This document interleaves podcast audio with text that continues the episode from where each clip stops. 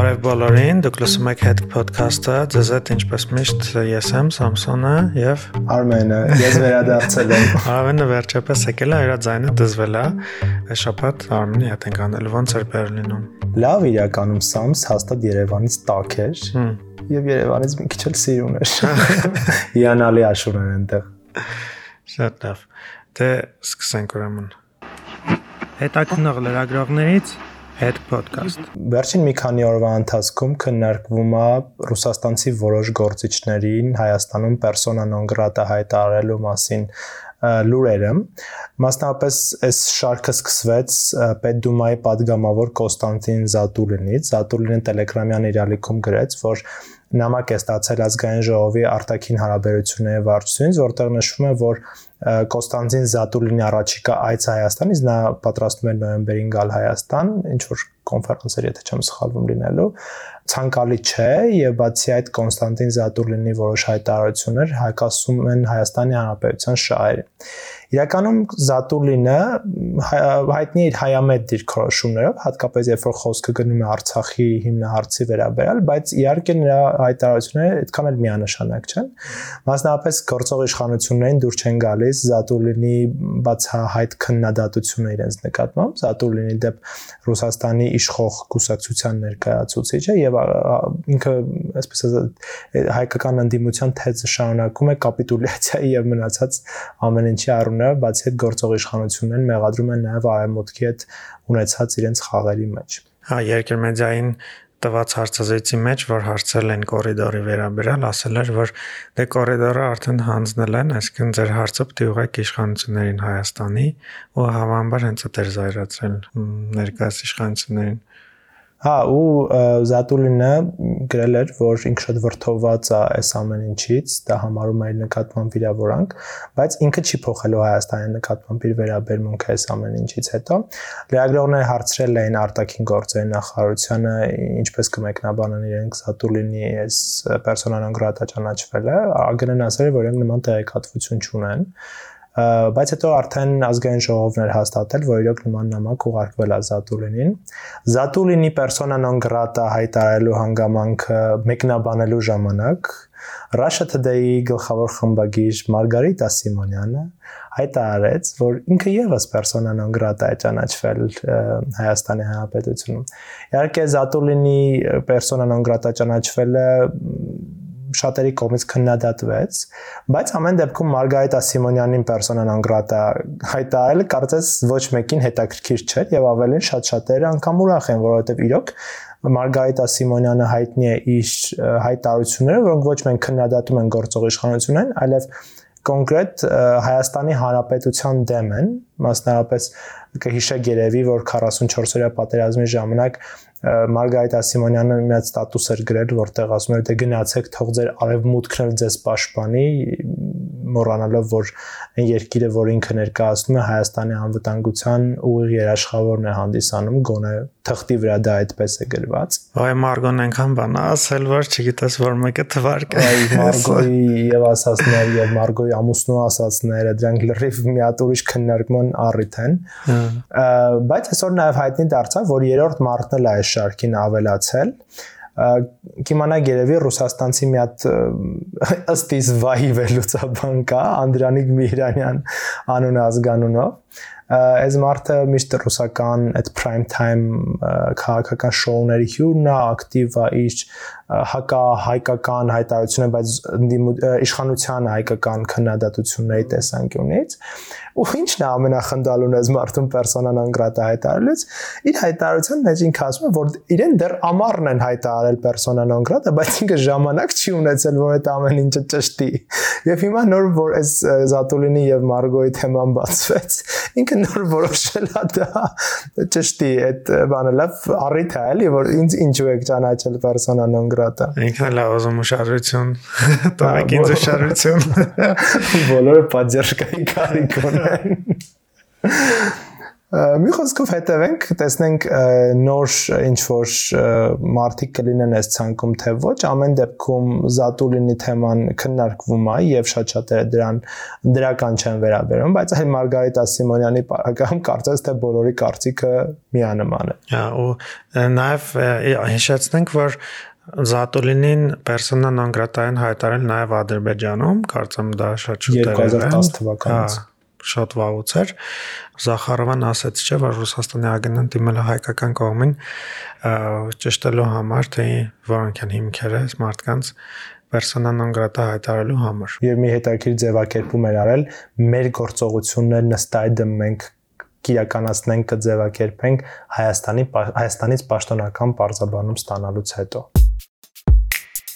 Հաջորդ թեման, որից որ պիտի խոսենք, արդեն հետքի առած հետաքննություններից մեկն է, որը որ հիմնված է բաց տվյալների վրա, վերաբերվում է առողջապահության նախկին նախարար ու ներկայումս ԱԺ պատգամավոր Արսեն Թորոսյանին, ու այսպես հետքը բարձել է բաց աղբյուրների հիման վրա, որ Արսեն Թորոսյանի ընտանիքը ցկնաբուծական բիզնես ունի Արագածոտնի մարզի Ղազարավան գյուղում։ Այդ ցկնաբուծանով զբաղվում է Fish Farm Management SPN, որի բաժնետերից մեկը Թորոսյանի հայրն է, բայց գյուղում այս ցկնաբուծարանը բոլորը ասում են Արսեն Թորոսյանի ձկնաբուծարան։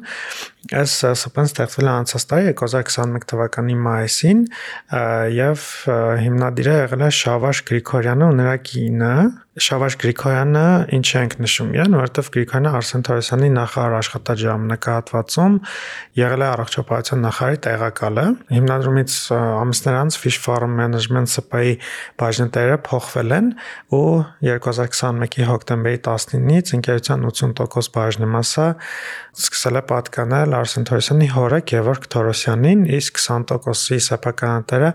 Արագածոտնի մարզպետի խորհրդական Ռազմիկ Թաթևոսյանի հայրն է Սարգիս Թաթևոսյանը։ Ինչ ենք նշում նաև Ռազմիկ Թաթևոսյանին, որովհետև Արսեն Թորոսյանի երբ որ առողջապահության նախարար Ռազմիկ Թաթևոսյանը նրա վարորդն էր հետո promotion ստացավ, դարձավ Թորոսյանի օկնականը, երբ որ Թորոսյանը ընտրվեց արժե падգանվար, հետո էլ ազգային ժողովից ոնց որ ուրիշ աշխատանք տվեցին, գնաց Արագածոտնի մարզպետարան, Այս ամեն ինչը բաց տվյալների հիման վրա է, ամեն ինչ ըստ փաստերի գրել ներկայացրել ենք մեր հոդվածում, ու Արսեն Թորոսյանը սրան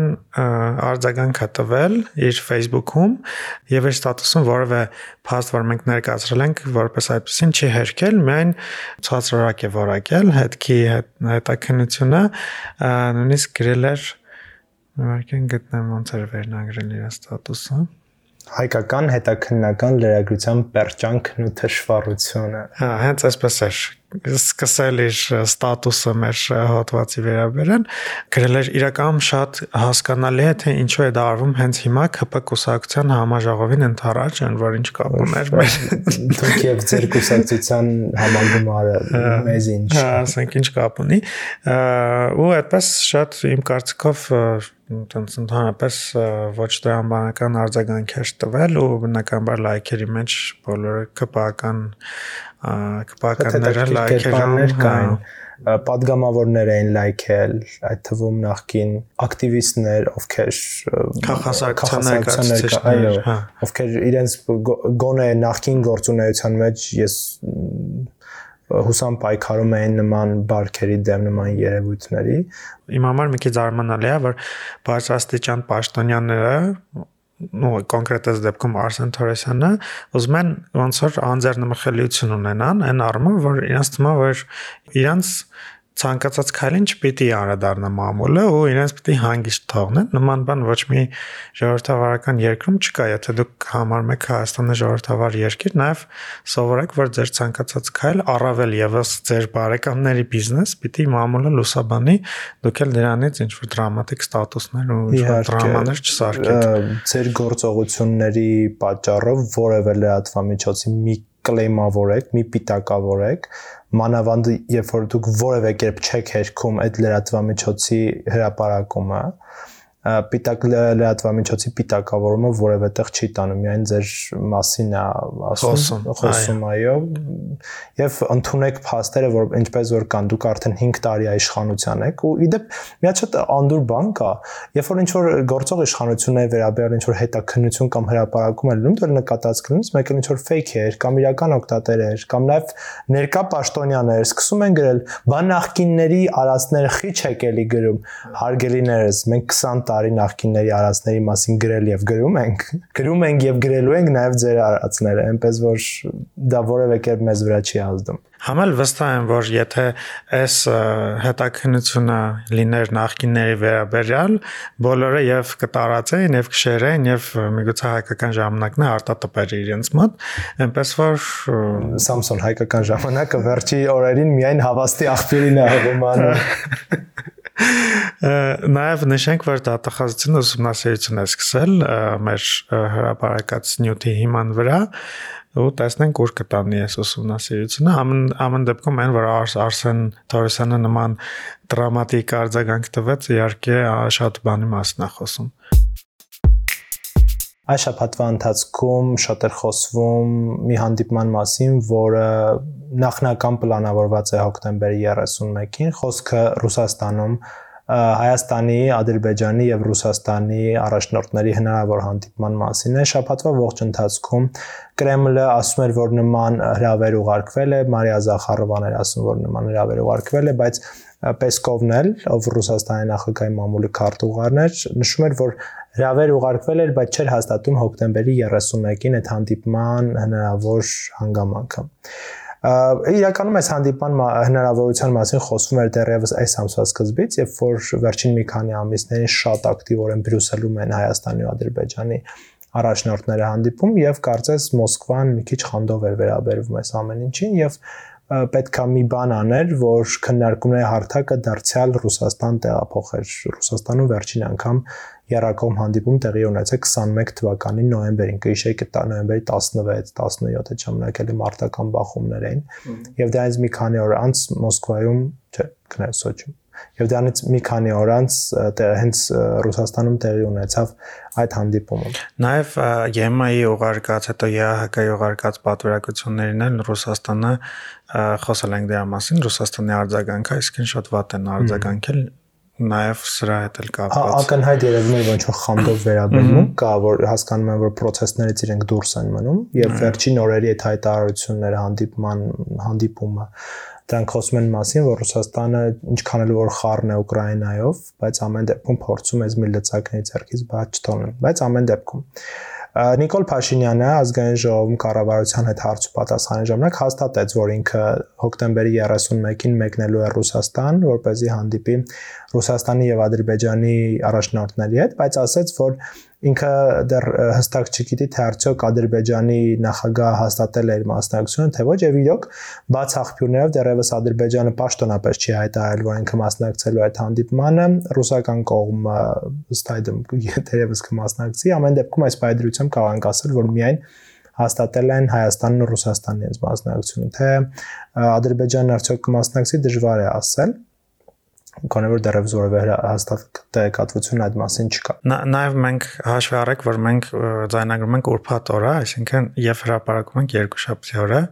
եւ եթե հանդիպումը լինի, պիտի երկուշաբթի օրը լինի, այսինքն եթե լսել եք, որ հանդիպել են արդեն, կներեք մենք։ Մենք մենք վանգայի վանգայի կարողություններ չունենք։ Բայց ամեն դեպքում Ալեն Սիմոնյանի միջև Փաշինյանի հայտարարությունը եւս հաստատել էր, որ Փաշինյանը պատրաստվում է մեկնել։ Այս ամեն ինչին զուգահեռ երեք շատ հետաքրքիր հայտարարությամբ է հանդես եկել Պուտինը, Վալդայ ակումբի տարեկան համաժողովի ժամանակ բաներից քննարկումներից մեկի ժամանակ Պուտինը հանդես եկել բավականին ծավալուն ելույթով, որտեղ ի թիվս այլ հարցերի, որոնք մեջ առանձնահատուկ իհարկե ուկրաինական հիմնախնդիրներ, արևմուտքի հետ Ռուսաստանի արճակատումներ կամ բևեռների, որպես այդպեսին քաղաքական բևեռների աշխարհում փոփոխությունները Ռուսաստանի նախագահն անդրադարձել է նաև Հայաստան-Ադրբեջան հարաբերություններին եւ Ղարաբաղյան հիմնախնդրի կարգավորմանը։ Նախ Ռուսաստանի նախագահը իհարկե նորություն չի ասել, բայց վերահաստատել է, որ տարիներ շարունակ Ռուսաստանը առաջարկում էր Հայաստանի նախագահներին, որ իրենք 5 շրջանները հանձնեն Ադրբեջանին եւ երկու շրջան պահեն իրենց, որոնց միջոցով կապը կհաստատվեր Լեռնային Ղարաբաղի հետ։ Ենթադրաբար խոսքը այստեղ իհարկե գնում էր Խարվաճարի շրջանի եւ Բերձորի Քաշաթաղի մասին, Լաչինի եւ Քելբաջարի, այսպես ասած։ Մադրիդյան սկզբունքները։ Այո, Մադրիդյան սկզբունքները, բայց բոլորս է շատ լավ գիտենք, որ իրականում Ադրբեջանն այդ տարբերակին համաձայն չի եղել։ Պուտինը սա զուտ ինչ որ քարոշչական տեսանկյունից է ասում, բայց Ադրբեջանը առնվազն բացահայտ հայտարարել է, որ այս մոտեցումն իր համար ընդունելի է, ինքը պահանջում է ոչ միայն 7 շրջաններն, այլև լղիմի ամբողջ տարածքը ներառյալ։ Եվ այստեղ որևէ քննարկում չէր կարող լինել։ Հաջորդ շատ կարևոր հանգամանքը, որ Պուտինն առաջ քաշեց, դա այն էր, որ իհարկե իրենք առաջարկել են, բայց Հայաստանի իշխանությունները գնացին այլ ճանապարհով։ Մի քիչ անհասկանալի է, թե Հայաստանի իշխանությունները ուրիշ ինչ ճանապարհ ունեին, եթե ոչ այդ ճանապարհով գնալը, բայց ամեն դեպքում Պուտինի կարծիքով Հայաստանի Հանրապետության եւ Ադրբեջանի Հանրապետության միջև պետք է լինի խաղաղության պայմանագիր եւ ինքը ասում է որ դա որքան հնարավոր շուտ լինի այնքան լավ եւ իրենք կհարգեն ցանկացած որոշում, որը կկայացնի Հայաստանի Հանրապետության իշխանությունը, հայ ժողովուրդը եւ ընդհանրապես Հայաստանի Հանրապետությունը այստեղ շատ ակնհայտորեն sense ընդգծվեց Վաշինգտոնյան փաստաթուղթի հանգամանք իրականում Վաշինգտոնյան փաստաթուղթ ասածը մի հատ լուսանկար էր, որը հրապարակվել էր Telegram-յան ալիքներից մեկում եւ խիստ անհասկանալի է թե արդյոք դա իրական փաստաթուղթ է թե ոչ, որովհետեւ կողմերը որևէ մեկը ոչ հերքել է, ոչ հաստատել այդ փաստաթուղթի իսկությունը։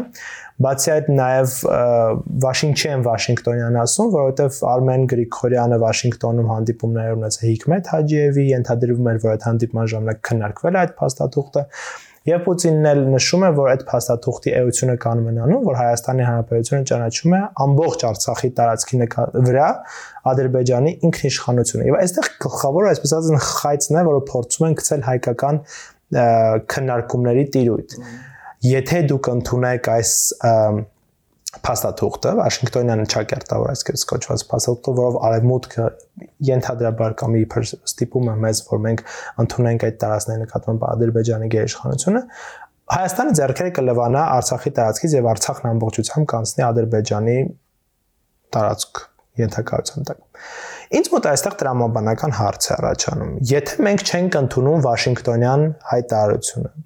իսկ իդեպ այսօր Նիկոլ Փաշինյանը Twitter-յան գրառում արեց, ասելով, որ մենք պատրաստ ենք ռուսական կողմի առաջարկությունները քննարկել Սոչիում կանալիք հանդիպման ժամանակ, ներողություն եմ խնդրում, կարող է Սոչիում չլինի եւ Մոսկվայում լինի ապա եւ հույս ունենք որ Ռուսաստանը կպահի իր խոստումները սա իհարկե մի ուրիշ հետաքրքիր մեսեջ էր ու հենց ռուսերեն էր այո Twitter-ը հենց ռուսերեն էր գրած հարց է առաջանում եթե Հայաստանը չի ընդունում այդ Վաշինգտոնյանը այլ ընդունում է օրինակ Մոսկովյանը կամ չգիտեմ Սոչիինը ինչ է Արցախի մեր վերահսկողության տակ մնացած տարածքներ մնալու են մեր վերահսկողության տակ որնա Պուտինի առաջարկած այսպես ասած հակա առաջարկը, որն ինչա Պուտինը մեզ փորձում դրանով առաջարկել։ Միգուցե ավելի բաց խաղակարտերը բայ, որ հասկանանք, արդյոք որն է այս բային Հայաստանի Հանրապետության համար ավելի շահավետ։ Վաշինգտոնյանը, չնայած Վաշինգտոնյանի պարագայում ես շահավետ շատ բան, ճակերտավոր Վաշինգտոնյանի պարագայում շատ ինչ որ շահավետ բան չեմ տեսնում։ Թե Մոսկովյանը, որտեղ կա գոնե ինչ որ մի բան, որը մեզ է մնալու անհասկանալի է ամեն դեպքում այստեղ Պուտինը ինձ թվում ավելի շատ քարոշչական խնդիր է լուծում, հետո շատ լավ Մոսկվան վերջապես հասկացել է, որ Երևանը իր վերահսկողության տակից կարա դուրս գա, մանավանդ որ Ուկրաինան իր գործել հեշ լավ չեն եւ իր ամբողջ ուշադրությունը կենտրոնացած է այնտեղ, իսկ Երևանին սա կարա առիթ լինի իր քաղաքական ուղին փոխելու։ Թե դա որքանով է հնարավոր, դա այլ հարց է, արդյոք երբևէ մեր իշխանությունները կան նման հայտարարի նման որոշման թե ոչ, դա լրիվ այլ քննարկման թեմա։ Բայց ամեն դեպքում գոնե Մոսկվայում այդ ազդակը ստացվել է, որ նախաձեռնողականությունը մենք մեր ձեռքից բաց ենք թողնում պետք է ինչ-որ քայլ ձեռնարկել։ Մանավանդ եթե Հայաստանը Ադրբեջանը խաղաղության պայմանագիր կնքեն, այս դեպքում արդեն ոնց որ այդ լրիվ ստացվում է Ռուսաստանի գործոնը նվազում է։ Մանավանդ որ Փաշինյանն էլ խորհրդանում հայտարարեց, որ միջև տարեվերջ ինքը մտադիր է դա ստորագրել։ Ես ենթադրում եմ, որ հնարավոր է ռուսական կողմը փորձի հենց Արցախի կողմի հետ առանձին ինչ որ բաներ պայմանավորվել, ինչ որ բաներ առաջարկել, օրինակ որ ֆորմալ դիմում ներկայացնեն, որ մտնեն Ռուսաստանի կազմի մեջ կամ տենց մի բան։ Բայց այստեղ հակառակ հարցն առաջանում, բա փոխարեն դրա փոխանին Ադրբեջանին չառաջարկելու։ Ադրբեջանին հաստատ ԵԱՏՄ-ն պետք չի, ՀԱՊԿ-ն առավել եւս պետք չի ինչ է ինքը տալու, որ այդ տարածքները պահի իրեն։ Հայ դեպ նկատել ես վերջին շրջանում շատ ռուսական կապիտալի հետ կապ ունեցող հայ գործարարներ են ակտիվացել, անընդհատ հայտարարություններ են տարածում։ Սամվել Կարապետյանն օրինակ։ Այ Գագիկ Ծառուկյանն էլ նաև շատ-շատերը Ռոբեն Վարդանյանն էլ որ նու կարելի է համարել Ռուսաստանի գործողվել է դեպի հա, Արցախ Ռուսաստանի այտենց ճակերտավոր մարդը, հա, որտեվ իր ամբողջ բիզնեսը, իր ամբողջ կարողությունը Ռուսաստանում է աշխատել, Արցախում կստանա պաշտոն։ Դրա մասին մեր նախորդ էպիզոդում ասել ենք։ Լավ, տեսնենք, հետևենք մի քիչ այս շփաթ пассив էր այդ զարգացումների առումով, բայց միգուցե դա լավ է։ Այ որ ասում են նորություն չկա, դա արդեն իսկ լավ նորություն է։ No news is No news is the best news։ Բայց ամեն դեպքում գոնե մի լավ նոտայով ավարտենք թողարկումը։ Մեծ Բրիտանիան նոր վարչապետ ունի։ Ռեժի Սունակը վերջապես ընտրվեց վարչապետ, գիշեք անցած շաբաթ Լիս Թրասեր հաջարական էր տվել, որովհետև ինքը ձախողեց տնտեսական բարափոխումները եւ հիմա Լիս Թրասի հիմնական մրցակից նախորդ արշավի ժամանակ Ռեժի Սունակը, որը Բորիս Ջոնսոնի կառավարության ժամանակ զբաղեցնում էր ֆինանսների նախարարի պաշտոնը, դարձավ Մեծ Բրիտանիայի նոր վարչապետը եւ առաջին քայլով կենսել արեց տնտեսական որոշ օրենքներ, հանձինս հարկերի կրճատում, սոցիալական հատկացումների բարձրացում եւ դրանով փորձում է փրկել բրիտանական տնտեսությունը հնարավոր կոլապսից, որովհետեւ իրոք այս բարագան բրիտանական տնտեսությունը շատ մեծ ճգնաժամի մեջ է եւ սունակն էլ լինելով ֆինանսիստ միգուցե կարողանա բրիտանացիներին դուրս անել այդ քաոտիկ իրավիճակից։ Նաև նշենք, որ Սունակը ահա որ հարուստ է, շատ-շատ հարուստ է, ես տեսել եմ մի հատ հոդված, բրիտանական բարբերականներից մեկը գրել էր, թե ինչքան կարողություն ունի, որ կարծեմ Royal Family-ից շատ փող ունի։ Այդ կարգի հարուստ է այդ մարդը։ Նկարա իր գումարների մի մասը հատկացած տնտեսության փրկության։ Դա նաև բարեկամց։ Դե լավ, այս շաբաթ այսքանն էր։ Շնորհակալություն, որ լսեցիք։ Ինչպես միշտ բաժանորդագրվեք մեզ Apple Podcast, Google Podcast, Spotify եւ այլ հավելվածներում։ Նաև կարող միանալ մեր Facebook-յան խմբին։ Առաջիկա մենք մտածում ենք նաև հանդես գալ նոր ձևաչափերով, շարունակեք լսել մեզ, որպեսզի հասկանաք, թե մենք ինչ ենք մտածել եւ ինչ ենք ուզում անել։ Կհանդիպենք հաջորդ շաբաթ։